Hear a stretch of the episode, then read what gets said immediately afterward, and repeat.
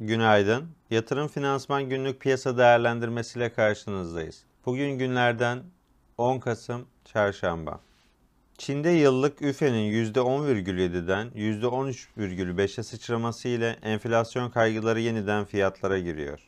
Özellikle alt kalemlerden biri olan fabrika çıkış fiyatlarındaki artışlar, küresel olarak uzak doğu orijinli ürün fiyatlarının ilerleyen dönemde artabileceğine ve küresel enflasyona işaret ediyor. Bu nedenle Türkiye saatiyle 04.30'da açıklanan veri sonrasında Amerika Birleşik Devletleri vadeli endeks kontratlarında da satışların hızlandığını görüyoruz. Borsa İstanbul'da zayıf açılış bekliyoruz.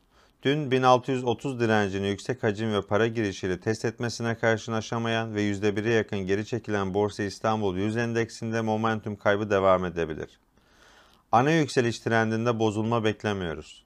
Buna karşın küresel risk iştahının zayıflaması halinde bir aydır soluksuz bir rally ile %17 yükselen Borsa İstanbul'da kar satışlarına karşı daha kırılgan ve daha volatil bir dönem geçirebiliriz. Takip edilmesi gereken destekler 1600, 1589 ve 1562-1566 bandı. Dirençler ise 1630, 1670 ve 1700. Ajandada ise yurt içinde Eylül ayı işsizlik oranı saat 10'da açıklanacak. Yurt dışında Almanya tüfe verileri açıklanacak. Amerika Birleşik Devletleri'nde işsizlik maaşı başvuruları, tüfe ve Ekim ayı bütçe dengesi takip edilecek. Günün en kritik verileri olan Amerika Birleşik Devletleri tüfede yıllık %5,4'ten %5,9'a yükseliş ile son 31 yılın en yüksek rakamı bekleniyor.